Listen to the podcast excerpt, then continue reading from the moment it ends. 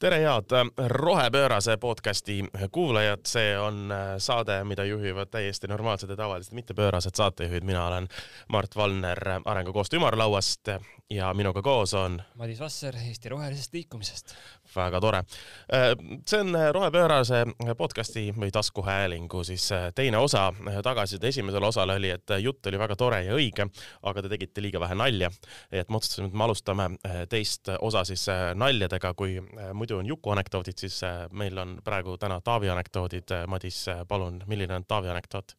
minu Taavi anekdoot on see, et elektri hind läks korraks kõrgeks ja siis üks Taavi kirjutas Euroopa Liitu, ütles, et kuulge, teie põhiline kliimameede, teeme katki selle. teeme hästi-hästi väikseks ja mõttetuks selle. ja siis Euroopas naerdi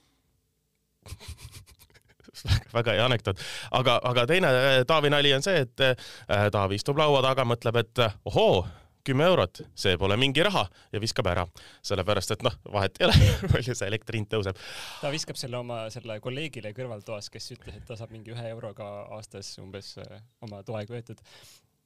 midagi siukest oli ka. Ja. ja veel üks suur muutus on täna see, et eelmine kord minul ei olnud minu ökolimonaadi kaasas, täna on nii et äh, täiesti anonüümne äh, bränd, aga väga hea limonaad ja ma loodan, et see ka teeb natuke rohkem pööraseks ja me loodame selle peale. aga, aga millest me täna räägime, kuna me rääkisime äh, energiateemadest äh, ja elektri hinna teemadest äh, eelmises äh, taskuhäälingus hästi kes palju. kes ei rääkinud, kes ei rääkinud? okei okay,, olgem ausad, sellest räägitigi ühiskonnas hästi palju, siis me mõtlesime, et seekord me sellest ei räägi, räägime energeetikast räägime sellest, et äh, kes äh, mäletab äh, kaksteist aastat tagasi enne kohalikke valimisi Tallinna Vabaduse väljakule tuli suur koormatäis küttepuid ja kartuleid kaksteist aastat hiljem, enne kohalikke valimisi Vabaduse väljakul on umbes kolm tuhat puupakku jälle installatsioonina, et rääkida ja näidata sellest seda, et mis, mis väärtus nii-öelda Eesti puidul metsas on ja panna inimesi natukene selle peale mõtlema. mitte nüüd päris sellega seotult, aga paralleelselt siis samal ajal eelmise nädala uudis on ju see, et et Riigikogus võeti vastu eelnõu SE üks viis kuus, mis paneb tarbijale võimaluse ja meeldiva kohustuse maksta puidu eest, mis aetakse rohkem Eestis biomassi pähe siis ahju keskkonnaorganisatsioonid on mingil põhjusel selle vastu, et me taastuvenergiat kasutaksime rohkem. Madis, mille pärast te selle vastu olete? no hästi lihtsustatud, see ei ole ju niisama ahju, see on Eesti Energia Narva katelde ahju ja miks see on nii. aga kui oleks kuskil mujal need katlad, siis oleks parem Äh, vot see on see esimene konks, et, et see Narva ahi on nagu eriti halb variant, sest et see ahi on hästi ebaefektiivne, et sa lihtsalt raiskad seda puitu. isegi kui see oleks mõistlik, siis seal ta ei ole igal juhul mõistlik ja, ja see teine häda ongi, et et äh, ei ole keeruline näha siin seda seost, et kui sa hakkad rohkem puid põletama, siis äh, Äh, sa suurendad survet Eesti metsadele, mis on juba ägamas suure surve all. Ja siin on erinevad osapooled, ütlevad, et üks ütleb, et ei, see ei suurenda mingit survet, kõik on hästi, me kasutame ainult oksakesi või äh, veel rohkem me kasutame vana mööblit. Ja on teine osapool, kes ütleb, et äh, no tegelikult sa ei saa seda kontrollida, kust see puit tuleb ja on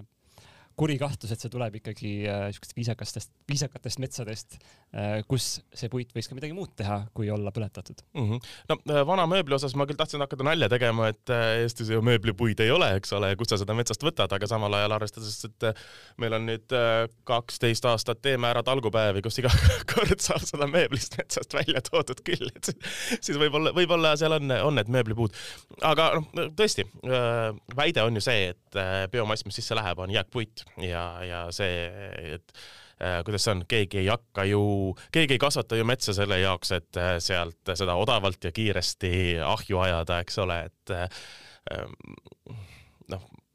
noh, kuidagi, kuidagi ei oska kommenteerida, me oleme selle Eesti metsa teemadel hästi palju viimaste aastate jooksul kuulnud seda, kuidas metsaraie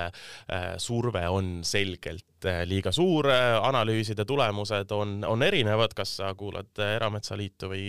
RMK-d või keskkonnaorganisatsioone, ma, ma siiamaani ei ole täpselt küll aru saanud, kuidas on võimalik, et meil on sama mets, aga umbes äh, kolm erinevat analüüsi selle kohta, kui palju seal puid tegelikult on. okei okay,, suur vahe vist on selles, eks ole, kas me mõõdame metsa või metsamaad, et kui keegi ei tea, siis see, kui sa metsast puud ära võtad, siis ta jääb ikkagi metsa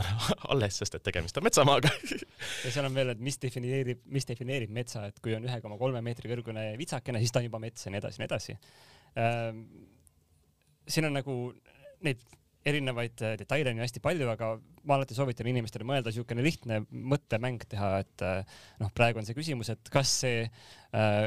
seadus, mis vastu võeti, mis on üsna kohutav äh,, kas see siis suurendab survet, äh, et kujutame ette, et on metsaomanik, kes seisab oma metsa ees, mis kasvab seal kenasti ja ta mõtleb, et ei tea, kas peaks selle metsa maha võtma või mitte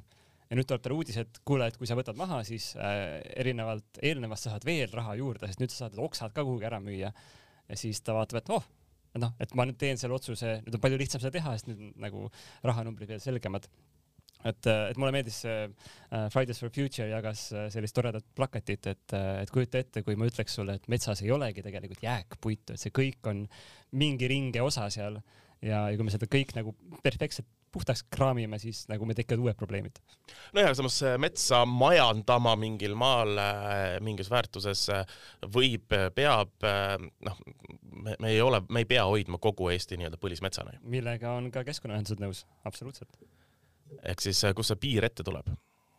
no see maagiline number on ju, mida kõik ajavad taga, on see raiemaht. Ja, ja täna on see lahtine, täiesti lahtine. Uh, uus metsanduse arengukava ei taha ka öelda seda numbrit, seda hoitakse viimase hetkeni saladuse all, see on nagu mingi suur kuradi äh, eurolaulu võidu, noh, see kuradi ümbrik on siin on ju, kõik higistavad, et mis number seal sees on, aga keegi ei ava seda. Keskkonnaühendused on öelnud mingi kuus kuni kaheksa. Tänane kehtiv on vist kaksteist noh, see ongi nagu eurolaulu finaal ju, Eesti kaksteist punkti, jah, super. miljon tihumeetris. Ja noh, tööstus selgelt, äh, talle meeldiks, et see läheks veel kõrgemaks, sest äh, siis on ikkagi võimalik äh, liisinguid kiiremini maksta. Absoluutselt, ega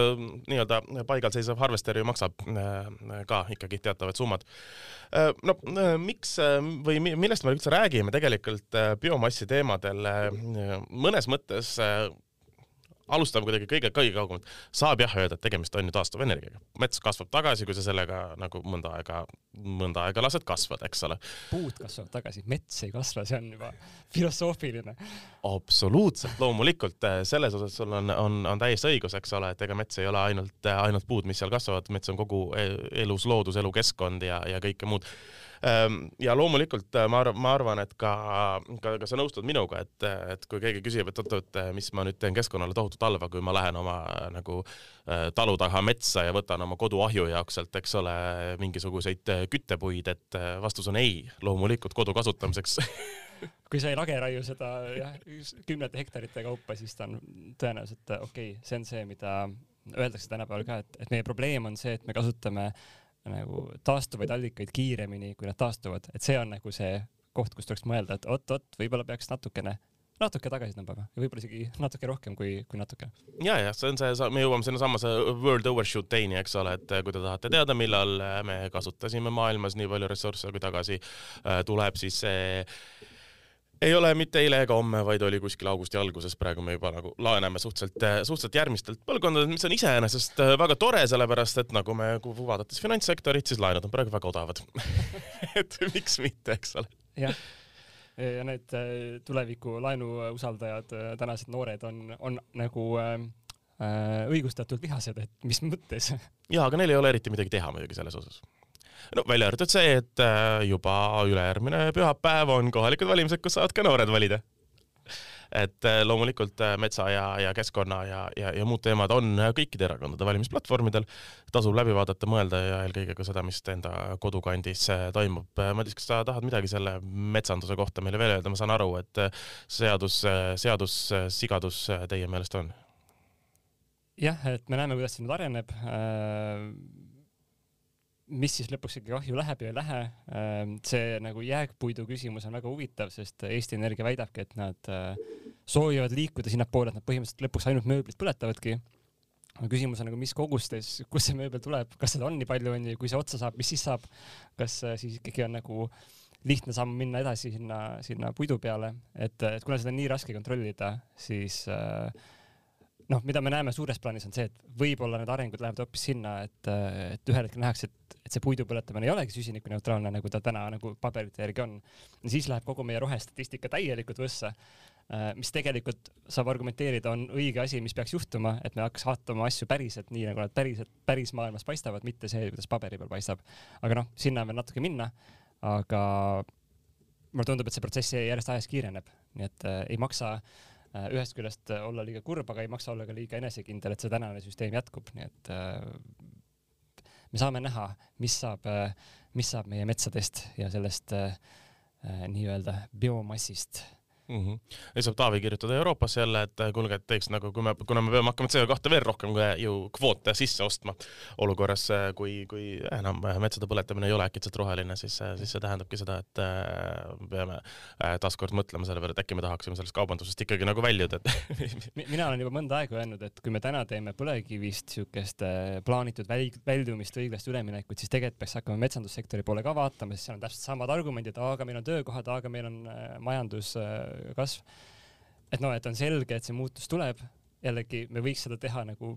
juhitult või siis me võime seda lasta nagu lihtsalt minna, mis on halb variant ja siin on jälle iganädalane sõna, sõnavõistlus, et noh, et kui põlevkivist väljumine oli niisugune kelmika nimega Põxit, mis siis on nagu metsandussektorist väljumine või vähendamine, ma ei, mul ei ole head. no Mexit. Mexit või? Mexit Hmm. see on nagu natuke, Mextonia oli näiteks see äh, tänavakunstifestival ja Mexit võiks olla siis mingisugune, see võiks ka festivali vormis olla noh, et äh, kõik lähevad nagu suure hurraa ja rongkäiguga panevad uued puud ja siis äh, suure hurraa ja rongkäiguga värvivad harvesterid üle näiteks mingisuguse ilusa tänavakutsiga, miks mitte ju väga äge variant oleks iseenesest uh,. noh, loomulikult. pakume Sensibility'le välja, et teevad seal jah, ma, ma arvan, et äh, eks neid äh, harvestere värvitakse niikuinii juba öövalguses aeg-ajalt üle. Äh,. muidugi jah, probleem on ju kindlasti ka selles osas, et ega äh, kui katlamaja tööle pannakse, siis ühel hetkel tekib see olukord, mida me oleme ju ka muudes äh, toorressurssides näinud, eks ole, et selle asemel, et kinni panna, kui saab endal ju see ressurss, kui meil saab mööbel otsa nii-öelda, et kuigi, kuigi, kuigi IKEA avab uue kaupluse tuletan meelde, mis tähendab seda, et mööblivahetus hakkab iga kahe aasta tagant umbes kodudes olema. aga see on mingi papist mööbel, see ei ole eriti. seda ei saa ahju ajada või? no see ei ole väga energiatihe. aa, no vot, siis on, siis on järgmine probleem e, aga tõesti, nagu sa ise ütlesid, ega kui tooraine saab otsa, siis hakatakse seda kuskilt mujalt kas sisse tooma, sisse ostma, mis ei ole kindlasti keskkonnasõbralik või siis tuleb tõesti ajutise meetmena leppida kokku, et võib-olla me enam ei kasuta siis nagu hetkel seda jääkpuitu, vaid paneme natukene neid palke sinna sisse, kuni asjad lähevad paremaks, inimesed rohkem mööblit ära viskavad ja siis defineeritakse sellest ümber, et, et mööbel on ka tulevane mööbel, mis tänane palk näiteks absoluutselt. nii, aga see teema siis on, on selge, ühesõnaga äh,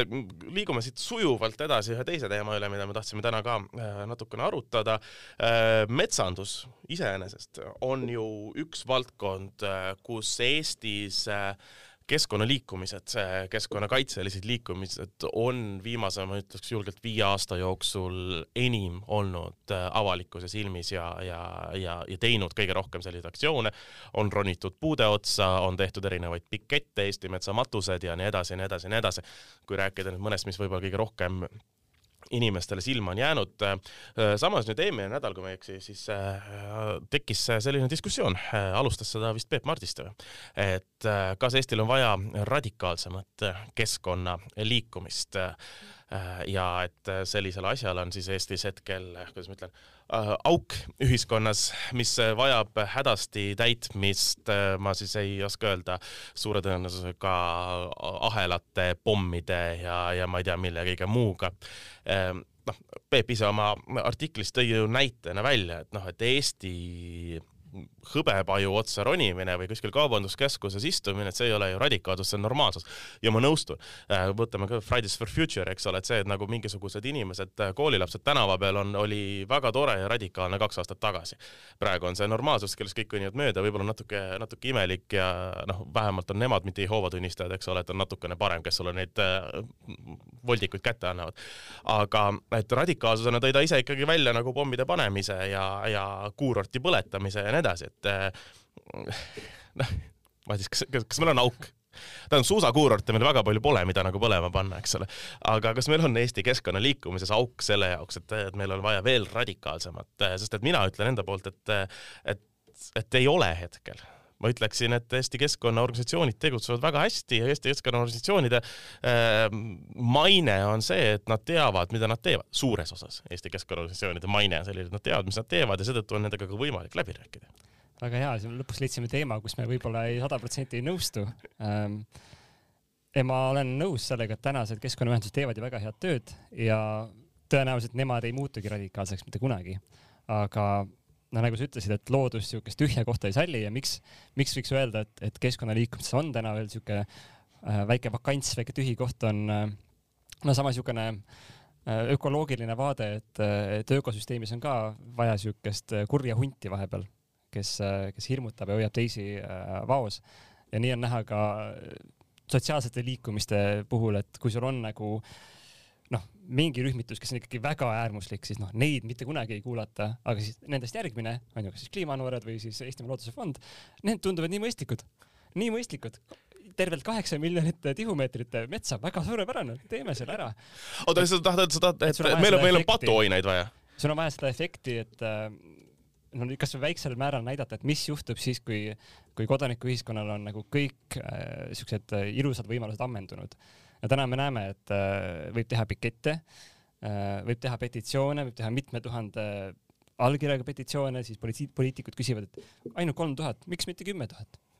no siis vaatame, lähme kümne tuhandega, võib-olla öeldakse nii, aga miks mitte kakskümmend, et, et kus see piir on, seda piiri hästi ei ole ja lihtsalt ajaloos on näha, et, et need suured muutused, mida me oleme näinud ajaloos, ka igasugused äh, siis sotsiaalsed võidud äh, või äh, India vabadusliikumine, et seal alati on olnud juures ka niisugune palju vihasem väike, väike kildkond, äh, kes näitab, et, et noh, kui me ei jõua kokkuleppele, siis asi läheb väga halvaks. ja Eestis tegelikult äh, vähe teada faktid on need, et, et midagi nagu on aja jooksul toimunud ka, et sa mainid hõbepaju, aga siin mõned aastad tagasi oli näiteks äh, korras käis kuskil meediast läbi siukene rühmitus nagu Hallid hundid, kes äh, tagusid äh, naelu kuhugi puude sisse, et neid ei saaks maha võtta äh,. või Kunda kandis oli üks hüdroelektritamm, hüdroelektrijaam ja selle, selle pais mis on aastaid olnud siukene kalameeste ja muinsuskaitse siuke konfliktobjekt äh,. siis ühel, ühel ööl selle tammi mingisugune luuk eemaldus nii-öelda vandaalide käe läbi ja seda ei saanudki tagasi panna, sest seda oli väga keeruline tagasi panna ja kalad said ujuda. et see on niisugune koht, kus niisugune moraalne hinnang läheb hästi keeruliseks, et kas see nüüd nagu keskkonna mõttes on nii väga hea, aga noh, illegaalne, et kuidas me sellesse nagu suhestume. Äh, ja ma arvan, et me pommideni ei jõua niipea, aga noh, natukene huvitavam taktika, et ma arvan, et tulevad mängu, et kui me vaatame kasvõi Inglismaad, kus on niisugune rühmitus nagu Extinction Rebellion, äh, vastuhakk väljasuremisele, neil on niisugune äh, mittevägivaldne kodanikuallumatus, mis näeb välja selline, et nad lähevad kuskile suure platsi peale, võtame siin, ma ei tea, Viru ring kuskil Tallinna kesklinnas ja lihtsalt istuvad maha mm. -hmm. takistavad sellega liiklust, tekitavad suurt segadust, et saada oma sõnumit väga nagu väga valusalt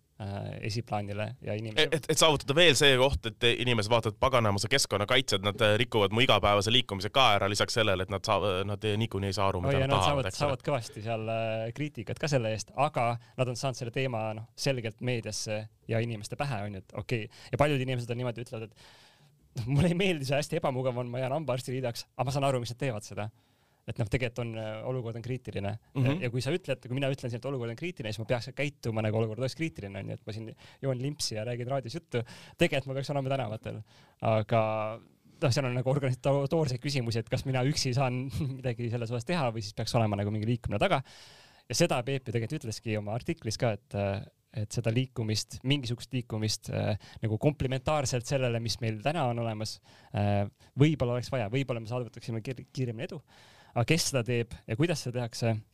see on suur akadeemiline debatt ka, et on osad inimesed, kes ütlevad, et noh, saab olema ainult niisugune väike niisugune K-komando, keskkonnakomando on ju, väike seltskond inimesi, kes on spetsialiseerunud niisuguse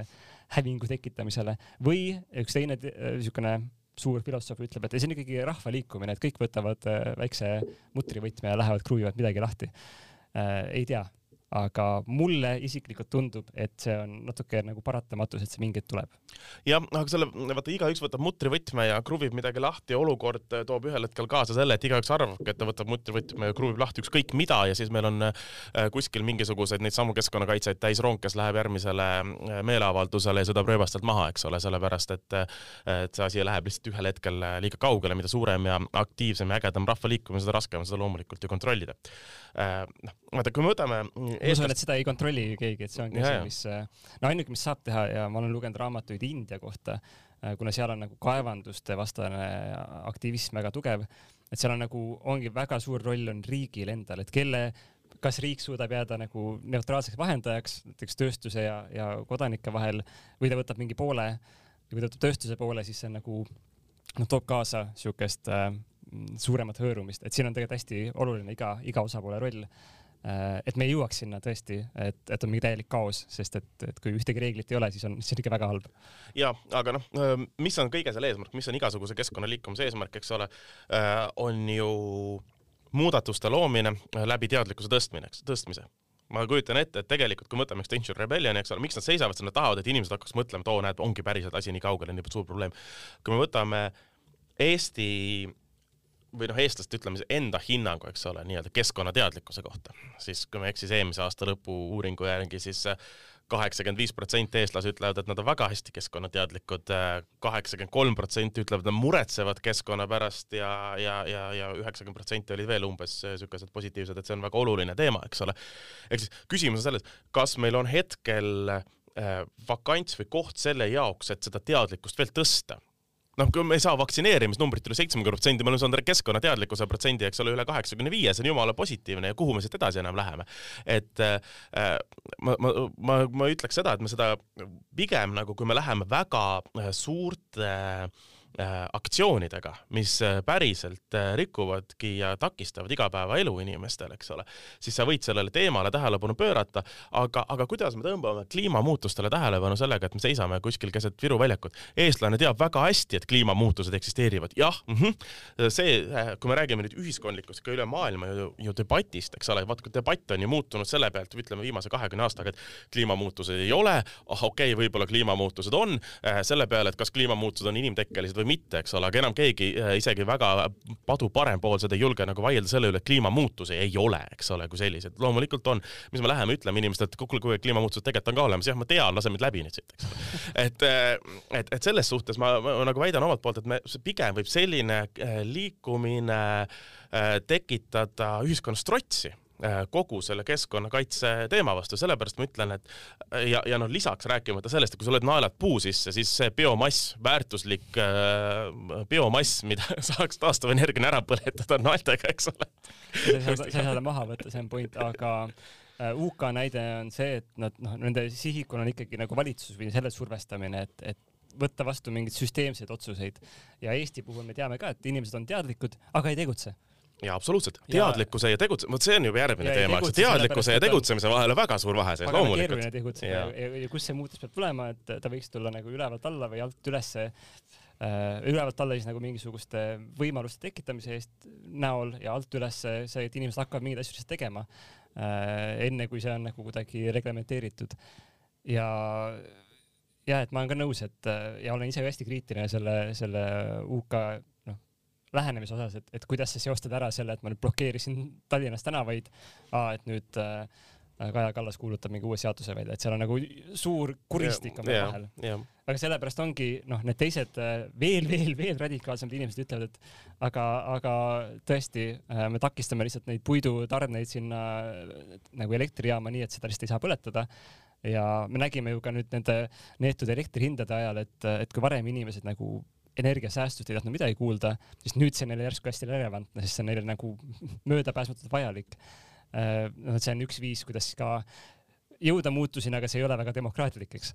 aga... aga, aga siis peaks just, näiteks võtame Eesti näite, me peaksime just aitama kaasa seda põlevkivi kiiremini sealt maa seest välja tuua, et energia hind veel tõuseks et inimene saaks aru, et niimoodi ei saa tulevikus elektrit toota. selle eest valitsus juba hoolitseb, et sellega on korras.